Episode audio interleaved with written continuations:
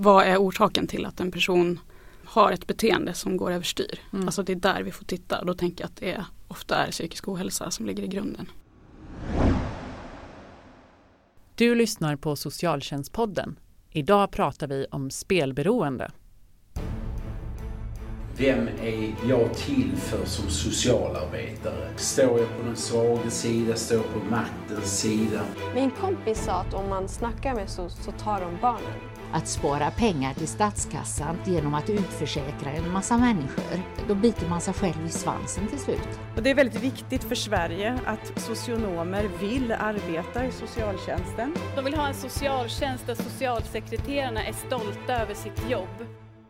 Hej och välkomna till Socialtjänstpodden. Podden för dig som är intresserad av socialt arbete och socialpolitik.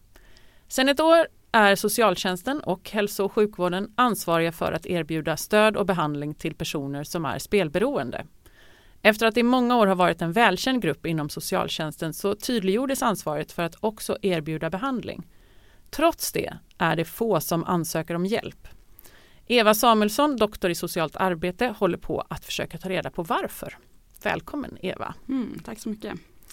Enligt Folkhälsomyndigheten så är det ju runt 30 000 personer som är beroende av att spela och kanske fler. Men det berör ju så många som 170 000 anhöriga varav väldigt många är barn.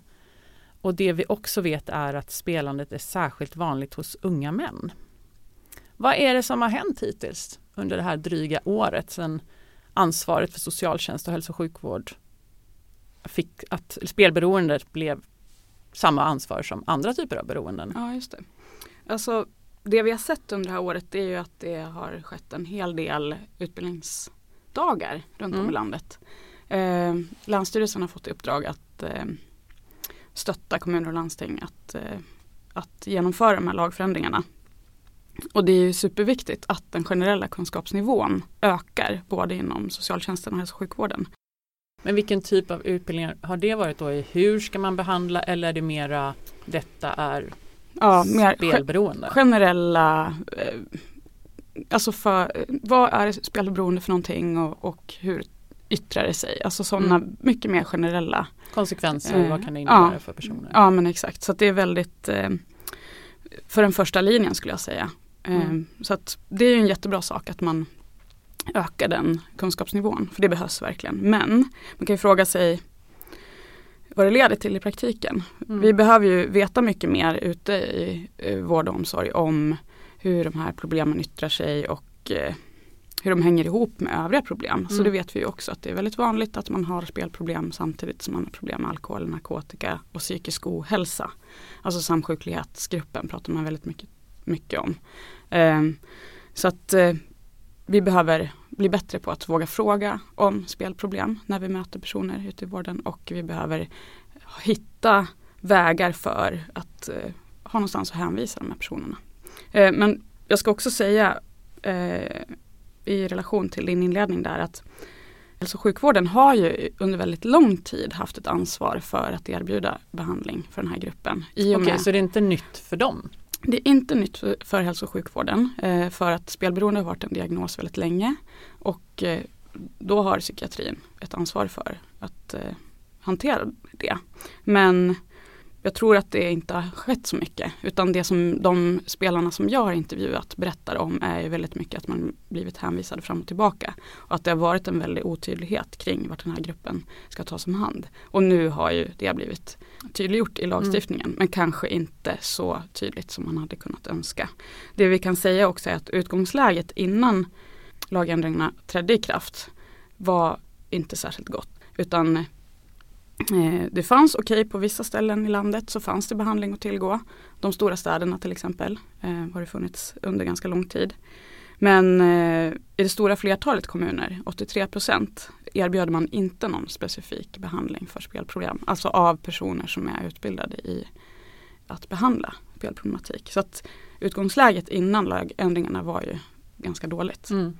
Så det som har hänt nu under senaste året är ju att den här frågan har fått en oerhörd uppmärksamhet i jämförelse med tidigare. Så det är ju gott men vi har ganska mycket utvecklingsarbete kvar att göra. Men skulle du säga att det är alla ungefär lika dåliga fortfarande eller är det liksom någon del som har lyft sig ordentligt? Ja det där ser ju väldigt olika ut i olika delar av landet tror jag och det hänger ihop med skulle jag säga hur duktiga socialtjänsten och hälso och sjukvården är på att samverka Mm. i den här frågan. Eh, Det finns ju i lagstiftningen nu också ett krav på att man ska ha en överenskommelse precis på samma sätt som när det gäller alkohol och narkotika mellan kommuner och landsting om hur den här hjälpen ska se ut. Vem har ansvar för Mm. vad och så. Men den frågan har inte heller hänt så mycket kring än så länge tror jag. Jag kan svara mer specifikt på din fråga om ett år ungefär. För vi kommer göra en uppföljning av den här lagförändringen eh, som vi börjar med under slutet av det här året. Och då kommer vi intervjua och eh, titta på statistik kring den frågan. Så då kommer vi veta mycket mer tydligt svaret på den frågan. Det som är bra är att stödlinjen, det är en sån telefon och internetbaserad stödfunktion för både spelare och anhöriga yrkesverksamma. De gör ett otroligt bra jobb med att eh, uppdatera sina hänvisningsregister. Mm. Så det gör ju att de har inblick i vart det finns hjälp att tillgå. Och de, deras siffror är inte publicerade för, för det här året ännu men det kommer ganska snart och det finns indikationer på att det ser mycket bättre ut när det gäller utbudet för stöd och behandling. Eh, Vad bra! Så det är ju jättepositivt och det är de där finns det också, om man går in på stödlinjens hemsida och så klickar man sig vidare till yrkesverksamma eh, information för yrkesverksamma. Där finns det också tips på en kostnadsfri webbutbildning som man kan gå som professionell. Så det är väldigt bra. Och sen stödlinjen ligger formellt under Centrum för psykiatriforskning och här har man också en, en behandlingsutbildning som är väldigt bra. Som är flera dagar där man får lära sig att genomföra spelberoendebehandling i, med Liria Ortiz manual. Och den har tidigare varit kostnadsfri men nu, nu kostar den pengar men den är väldigt bra så det är någonting jag kan rekommendera. Så det finns liksom enkelt sätt att få information både om man har lider av spelberoende, är anhörig eller yrkesverksam och det finns åtminstone för att skaffa sig en första grund. Liksom, lättillgänglig utbildning. Ja, men det där hänger ju på hur organiseringen och resurserna ser Mm. ut. Hur tiden ser ut på den verksamhet man jobbar. Alltså, vi vet ju att det finns eh, socialsekreterare och behandlare som har varit engagerade i den här frågan länge som kanske har gått en utbildning men sen inte haft mandat att faktiskt erbjuda behandlingen. Man har inte fått gå ut med information om att man har den kompetensen helt enkelt för att kommunerna har inte haft önskan om att dra till sig den här målgruppen innan Mm. det har varit tydligt vem som ska ha ansvaret för det så att säga. Men det här det är ju på gång att förändras och det, det kommer bli mycket bättre, det är jag helt övertygad om. Sen finns ju också Folkhälsomyndighetens eh, sida spelprevention.se och där finns det ju otroligt mycket information om hur man kan screena för problemet och ja, generella siffror och så. Och kunskapsguiden förstås. Mm. Men är- organiseringen är inte helt tydlig och klar om vem som ska göra vad Nej. över hela landet. Nej. Eh, Du har ju i ditt forskningsprojekt intervjuat runt 40 personer som är spelberoende och i många fall också beroende av alkohol. Hur beskriver de sitt behov av hjälp? Ja, precis som när det gäller alkohol och narkotikaproblem så är ju de här behoven väldigt varierande. Vissa behöver direkt stöd i en akut krissituation. Problemen uppdagas och anhöriga är väldigt upprörda. Ehm, och då finns det en hög suicidrisk, vet vi. Ehm, det här måste vi i socialtjänsten vara väldigt lyhörda för och snabbt ha en direkt väg in till en läkare som kan göra en sån bedömning eller se till att personen i fråga får det stödet de behöver. Så där gäller det att liksom ha upparbetat samarbete med psykiatrin. Ja, det måste finnas rutiner helt Mm. enkelt för det. Och sen i den här krissituationen så behöver man väldigt mycket känslomässigt och praktiskt stöd. Med det rent konkreta, att spärra sig från spelsajter, att få hjälp med att någon hanterar ekonomin och sådana frågor. Och det här känslomässiga, att få prata med någon som faktiskt vet vad det här problemet innebär. Så Mm. där fyller ju självhjälpsorganisationer en väldigt viktig roll. Genom att vara så lättillgängliga som Mm. de faktiskt är på många orter. Att man kan komma redan samma vecka. Så, så där tycker jag att socialtjänsten ska vara bra på att faktiskt berätta att de här eh, självhjälpsgrupperna finns. Men, och därmed inte sagt att man ska överlämna ansvaret till dem utan vi i socialtjänsten har ett ansvar att erbjuda behandling. Men det här stödet kan ju vara väldigt bra som ett komplement. Mm. Och sen när det gäller socialtjänsten så får vi inte heller glömma bort anhörigas behov för där har vi också ett ansvar att erbjuda anhörigstöd.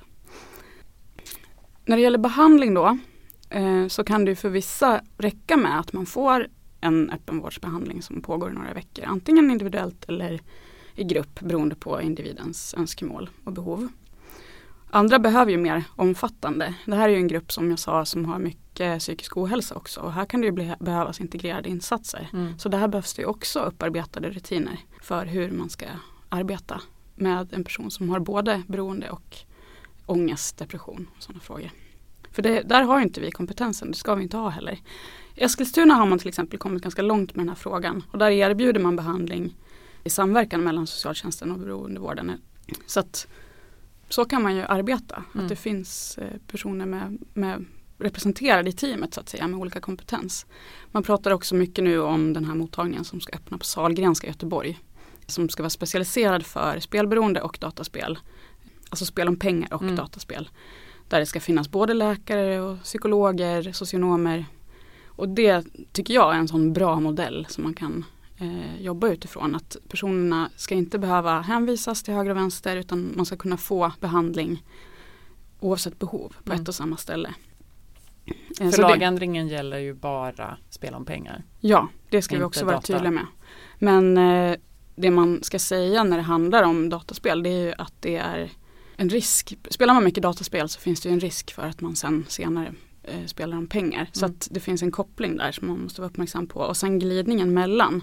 För nu finns det ju möjligheter att spela om pengar inom dataspelandet. Så att där är inte en helt tydlig gränsdragning. Nu är dataspelsberoende en diagnos inom ICD-10 och det där kommer ju säkert komma lite längre fram här. Ehm, ett förtydligande. Och jag tänker att när det gäller de här problemen så är det ju alltså kärnan, varför, vad är orsaken till att en person har ett beteende som går överstyr? Mm. Alltså det är där vi får titta och då tänker jag att det är, ofta är psykisk ohälsa som ligger i grunden.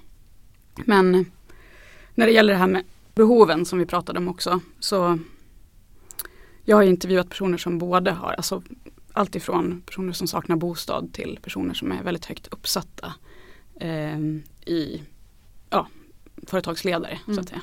Och, men beskriver liksom väldigt allvarliga spelproblem och väldigt omfattande konsekvenser av det. Men förutsättningarna för att man ska kunna ta sig ur det här är ju väldigt olika beroende på vad man har för nätverk och vad man har för resurser. Så att där måste ju socialtjänsten såklart komma in med möjligheter att kunna erbjuda bostad och ekonomiskt bistånd och så när det behövs.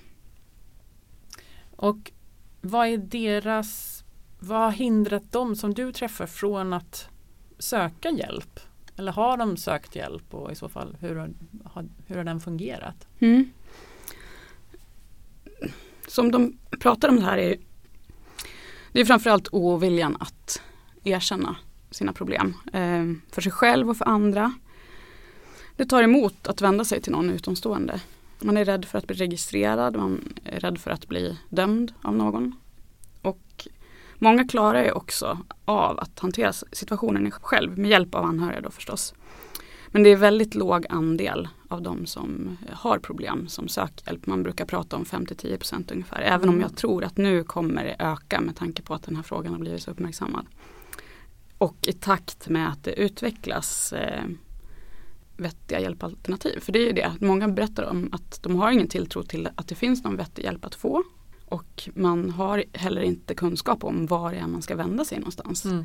Eh, och det kan jag tycka är lite märkligt med tanke på att ja, men i all spelreklam överallt så finns det liksom kontaktuppgifter till stödlinjen. Men det är som att man inte, det syns inte. Liksom. Ja, så att det är ju att man inte vet vart man ska vända sig.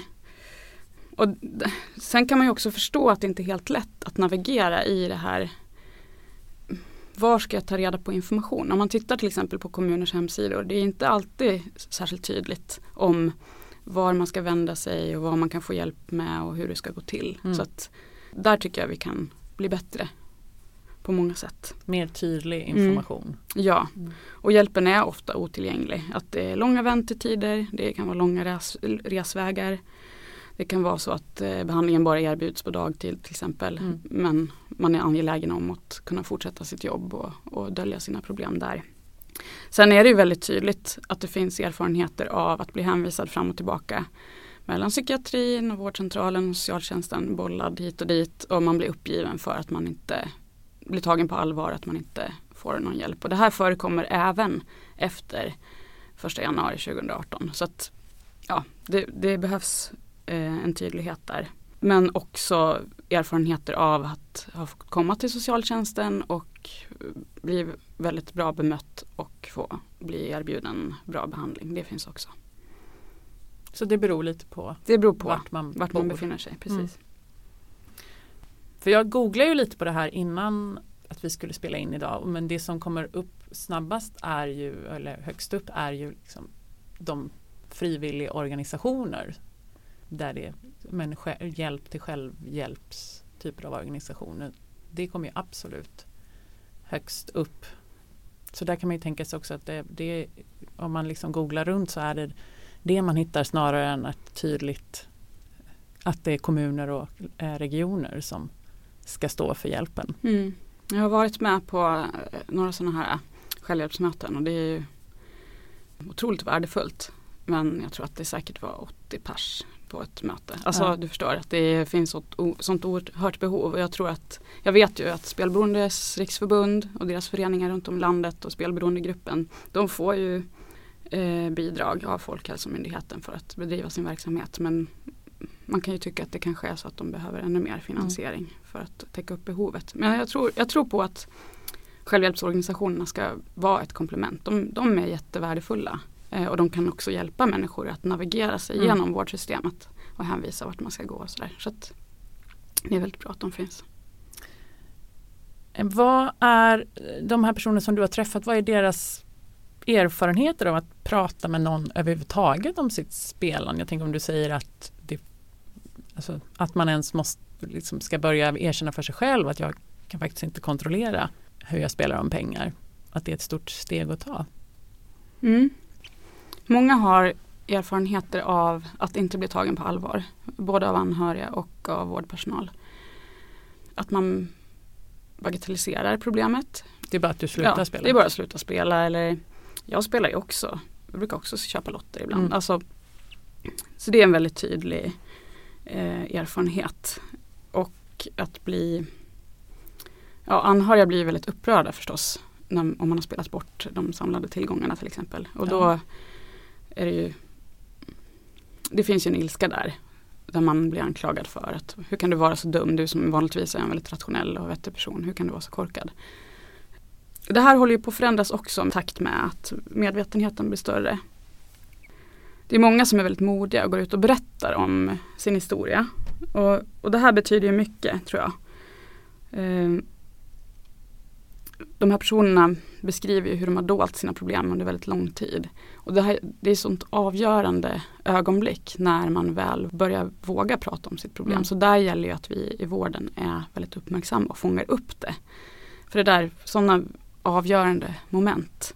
Där måste vi ha kapaciteten att vara flexibla och kunna fånga upp sån, eh, i de ögonblicken. För det kan ju vara att man har gått och funderat på det här i år. Och sen när man äntligen vågar berätta det för en, för en personal inom socialtjänsten eller på vårdcentralen till exempel. Då måste vi kunna ta hand om det och hänvisa vidare om vi behöver det. Men de som har vågat berätta för anhöriga eller kollegor eller chefer eller så de beskriver ofta som en lättnad. Mm. Att nu har man gått och dolt det här problemet och så länge och så är det så skönt att kunna eh, lägga alla korten på bordet som de säger. Mm. Och de har fått, eh, många har fått en väldigt positiv respons också. Så det är både från det här att, att det liksom blir en lättnad och uh, att man får ett direkt stöd. Men också till att det blir liksom en krissituation och um, ja, men man kan ju tänka sig att ens partner vill lämna en om alla tillgångar är slut och man inte har betalt hyran på månader. Ja, alltså det är väl det som skiljer spelproblem lite grann åt från alkohol och narkotika på det sättet att det, det är lättare att dölja under en längre tid och mm. sen uppdagas det och då blir det katastrof. Det och det går också att sätta sprätt på enorma mängder pengar mm. på kort tid. Ja, och det har ju verkligen eskalerat under ja. senare år. Eh, men tanken med lagen är ju att det förebyggande arbetet mot spel också ska stärkas. Och samtidigt så blir vi ju flera gånger om dagen uppmanade till att eh, spela om pengar. Finns det något spelförebyggande arbete överhuvudtaget? Mm, det ser väldigt olika ut i olika delar av landet där också skulle jag säga. Eh, förhoppningen är ju att kommunerna ska kunna införliva spel, alltså S1 i det vanliga preventiva Mm. arbetet som man har eh, gentemot eh, alkohol, narkotika, do, doping och to tobak. Och det beror ju helt på hur långt man har kommit där. Det handlar väldigt mycket om att skapa spelfria miljöer för barn och unga. Att begränsa tillgängligheten. Kommunerna har möjlighet att till exempel ifrågasätta utplaceringar av spelautomater i kommunerna. Och uppmuntra idrottsföreningen att begränsa spel om pengar bland sina medlemmar till exempel kan man göra. Så det finns ju väldigt tydliga saker man kan göra. Ett sånt gott exempel är den här föreningen Flamman som finns i Malmö. Mm. De har ett projekt som heter High Stakes. Och eh, de informerar, eh, åker runt i skolor eller pratar med både ungdomar och eh, med professionella om de här frågorna. Och de har också en webbutbildning på nätet tror jag. Plus att det finns en app som man kan använda som ung om man vill begränsa sitt spelande. Så det är ett sånt positivt initiativ kan man tycka. Men det behövs göra mycket mer på det här området också förstås. För jag tänker att där är ju Du kan ju ha alla dina spel i mobilen. Ja, exakt. Ehm, Det kan ju vara fullt med reklampelare utanför din skola. Mm. Om man nu tänker att unga killar är en stor riskgrupp. Mm. För spelreklamen har ju verkligen exploderat i alla medier och på eh, reklampelare överallt. Hur påverkar den de här personerna som du har intervjuat? Har, har ni pratat något om det? Ja, absolut. De upplever det som väldigt bekymmersamt såklart. De blir ju mycket irriterade precis som vi, vi andra. Ja. Det Till och med är- civilministern är ja, upprörd över spelreklamen. Exakt, han kallar till sig spelbolagen. Det som är bekymmersamt framförallt tycker jag är ju de här erfarenheterna av när man har bestämt sig för att sluta spela så kontaktar man spelbolagen och vill blockera sitt Mm. konto. Eh, och då blir man istället ifrågasatt och man blir lockad med en bonus så att man ska avvärja sitt beslut. Och det är sånt, ett sånt där otroligt känsligt moment när man är på väg att bestämma Ja. sig och ändra sitt beteende och då istället blir man övertalad att, att fortsätta spela. Du får 500 free spins. Exakt och det här är dig. helt förkastligt. Och eh, efter lag, eh, den nya licensregleringen som kom 1 januari 2019 så finns ju det här nationella avstängningssystemet som heter spelpaus.se. Mm. Nu har inte det kanske riktigt börjat fungera som det ska ännu men det är ju jättebra att, man, att det finns en sån central funktion där man kan spela, spärra av sig på alla bolag som har licens samtidigt. Men det som är väldigt tydligt det är att spelbolagen måste ta ett mycket större ansvar. De måste vara mycket mer proaktiva och faktiskt ta den omsorgsplikten som det är sagt att de ska ta. De måste ha ett mycket större konsumentskydd. Och eh, det är ju sagt att om de inte sköter sig så ska det Licensen dras in. Ja men exakt och Mm. det här bygger ju helt på hur mycket muskler Spelinspektionen har för att utöva tillsyn och att eh, utöva sanktioner. Så att eh, det där får ju framtiden utvisa. Eh, jag tror att det kommer bli så att för även här är ju gränsdragningarna ganska otydliga. Så det kommer bli rättspraxis som får avgöra hur, i vilken utsträckning spelansvar faktiskt är någonting som bolagen måste ha i praktiken. Men sen har vi också någon form av konflikt där med att vi har många folkrörelser, idrottsföreningar som också finansierar sin verksamhet genom att sälja lotter till exempel. Ehm, och de är ju, kan ju också liksom på ett sätt vara en prevention att man är aktiv i, någon, i en förening eller idrottsrörelsen. Men samtidigt så är spelet väldigt nära kopplat där på ett annat sätt som inte liksom, alkohol och droger är. Ja, man kan ju tycka att de här organisationerna borde ta liksom, en allvarlig funderare på i vilken utsträckning man ska vara beroende av spel om pengar för Mm. sin verksamhet. Eh, Man kan ju kanske hitta andra finansieringsvägar. Sen lotterier är ju en sån jämförelsevis ganska harmlös eh, spelform om man jämför med internetkasinon, Ja. bingo, spelautomater, alltså sådana snabba spel. Liksom. Så att det där är en diskussion som jag, som jag tycker är viktig att föra. Det finns, så jag ser det, två stycken centrala paradoxer i det här också. Som är väldigt tydliga. Och det är ju att när man har spelproblem så betraktas man som sjuk. Det Mm. finns, den sjukdomssynen är väldigt stark i hur man betraktar sitt problem. Diagnosen spelberoende eller hasardspelsyndrom som det egentligen heter. em, Ett av de mest centrala kriterierna i det är att man har kontrollförlust. Alltså man kan inte kontrollera sitt beteende. Och samtidigt så bygger hela spelansvarspolitiken på att individen ska ha kapaciteten och förmågan att kontrollera sitt beteende. Eh, Det är individens ansvar att sätta stopp, att sätta gränser, att själv testa sig. Så att det, hela diskursen har liksom förflyttats från samhället, från bolagen till individen. Så det är så vi jobbar med spelansvar idag. Och det här, Det är individens ansvar att ta bort sig, exakt. att spärra sig. Eh, Mm, Och sen så ska bolagen ha en liten text om exakt. stödlinjen. Så det är ju läpparnas bekännelse från spol- spelbolagens sida eh, väldigt ofta. Och när man som spelare inte klarar av att hantera det här då leder det till enorma skuldkänslor. Eh, vilket leder till skam, vilket också minskar benägenheten att söka hjälp. Mm. Så att det här är inte helt enkelt skulle jag säga. Och den andra centrala paradoxen är ju att Svenska Spel och spelbolagen tjänar sådana enorma summor på det här. Precis som du var inne på eh, också. Jag tror att man pratar om en vinst hos Svenska Spel på 4 miljarder per år. Och enligt Folkhälsomyndigheten så kommer 75 procent av omsättningen på spel, alltså när det gäller kasinon och spelautomater i alla fall, från personer som faktiskt har problem med det här. Mm. Eh, så att å ena sidan så tjänar staten och spelbolagen väldigt mycket pengar på det här och å andra sidan så är det svårt för personer som faktiskt får problem att få hjälp när de söker det från kommuner och regioner. Så att ja, det finns lite att fundera på och arbeta med när det gäller det här. När det gäller andra typer av beroende så finns det vissa tecken man som anhörig eller professionell kan titta efter som lukt eller eh, pupillerna ser ut eller rörelsemönster. Eh, vad är det för varningssignaler som man kan titta efter när det gäller spel? Ja, det här är en sån fråga som man kan hitta information om på spelprevention.se som Folkhälsomyndigheten har. Dels är det ju de klassiska spelspecifika tecknen på att en person faktiskt har ett bekymmer. Det är ju att man lägger ner mycket tid och pengar och energi på spel Mm. helt enkelt. Och det går ut över ekonomin och umgänget med familj och vänner helt enkelt och arbete. Men det generella som gäller oavsett vad man har för bekymmer det är ju tecken på att man inte mår bra. Eh, alltså sömnproblem, rastlöshet, irritation, ångest, oro.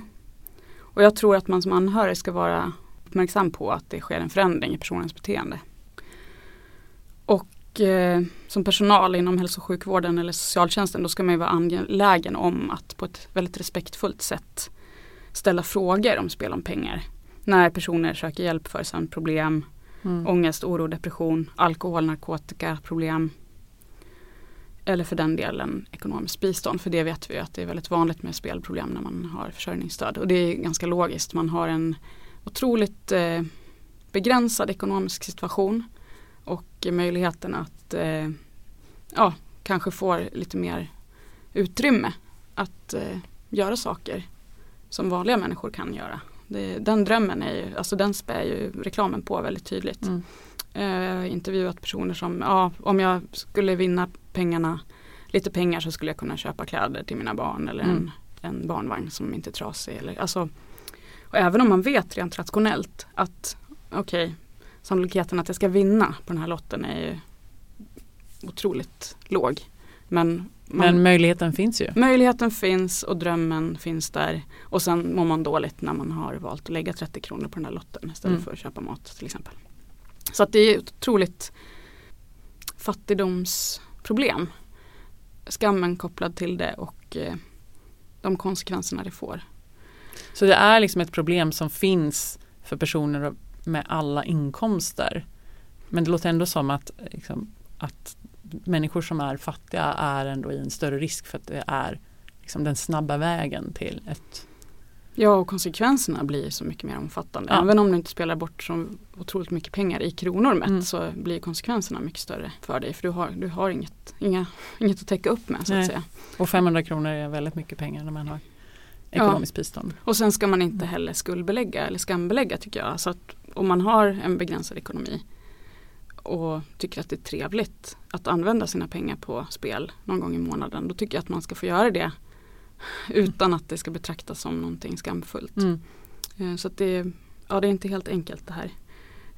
Jag tänker också på det här med utplaceringen av spelautomater. Nu har ju i och för sig spelautomaterna flyttat in i våra mobiler och Ja. våra datorer. Men, men det är ju ett cyniskt faktum att ja, men det kom nyligen en finsk studie som visade på att eh, spelautomaterna placeras ut i områden där de förväntas generera mest vinst. Och det är ju platser där det är låg arbetslö- eller hög arbetslöshet, låga inkomster, mycket ohälsa, alltså Mm. i fattigare områden. Och så ser det också ut i någon mån i Sverige. Och det kan man ju verkligen ifrågasätta. Mm. Och då tänker jag att då har man väldigt tydliga, då vet spelbolagen om att det är där de kommer ge mest vinst. Ja men precis. Ehm, Och eh, ja, det finns eh, vissa som tycker att det här är någon slags extra skatt för de som har det sämst ställt i samhället. Men ehm, vad tänker du så här långt är det viktigaste som socialtjänsten behöver göra för att utveckla sin verksamhet för personer ehm, med spelberoende? Om vi tänker på ur ett nationellt perspektiv. Mm. Dels handlar det om resurser förstås och kompetensutveckling. Alla ska ha koll på den här problematiken eh, och veta att den är vanligt förekommande bland personer med alkohol och narkotikaproblem och eh, bland personer med försörjningsstöd.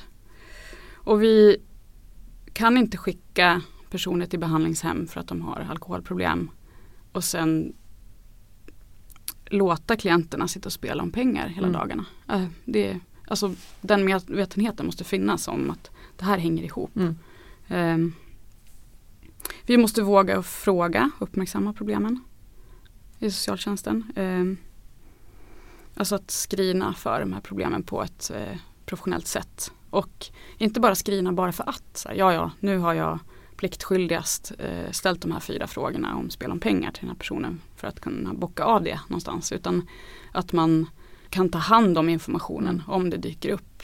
Eh, om det visar sig att personen faktiskt har problem så måste man veta vart man ska kunna hänvisa den. Det måste finnas tydliga rutiner.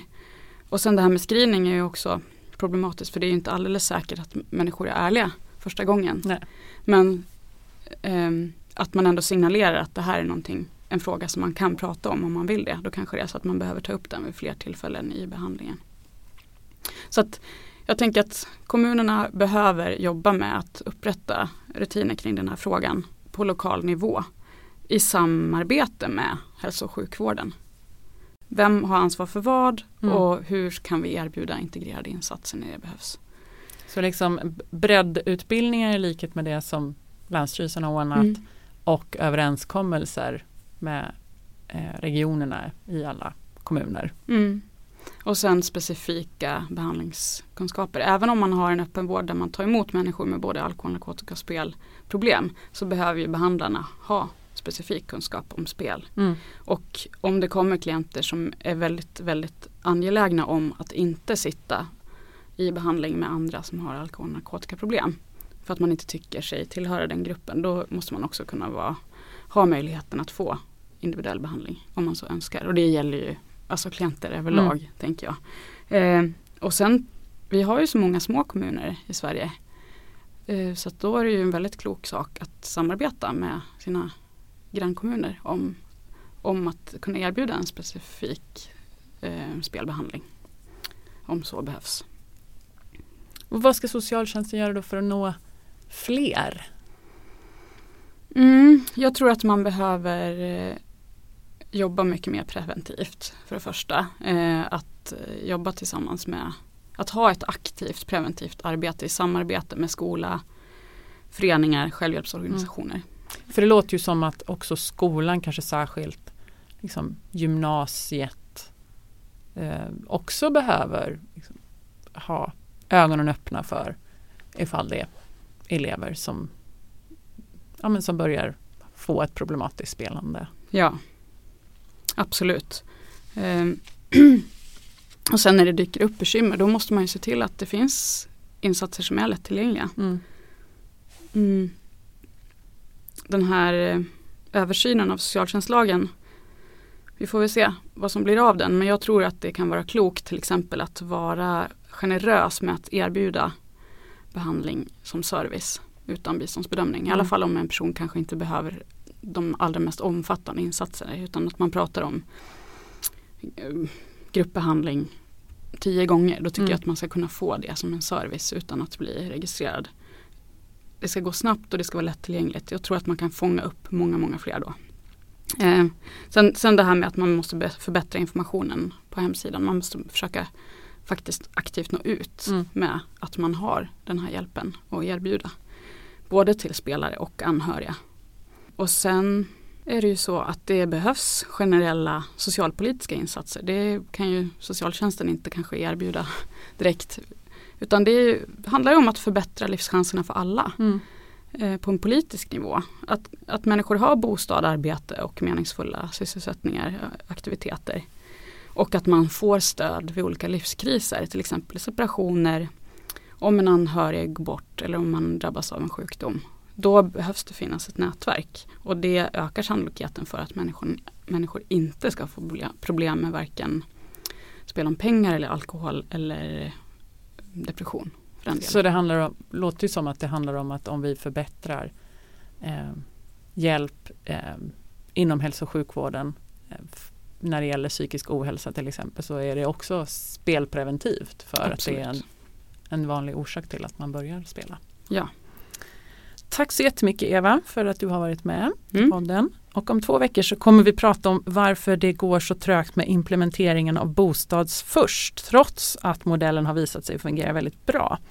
Jan Ström kommer hit från Sveriges förenade stadsmissioner för att berätta mer om detta. Och tills dess, tack för att du har lyssnat.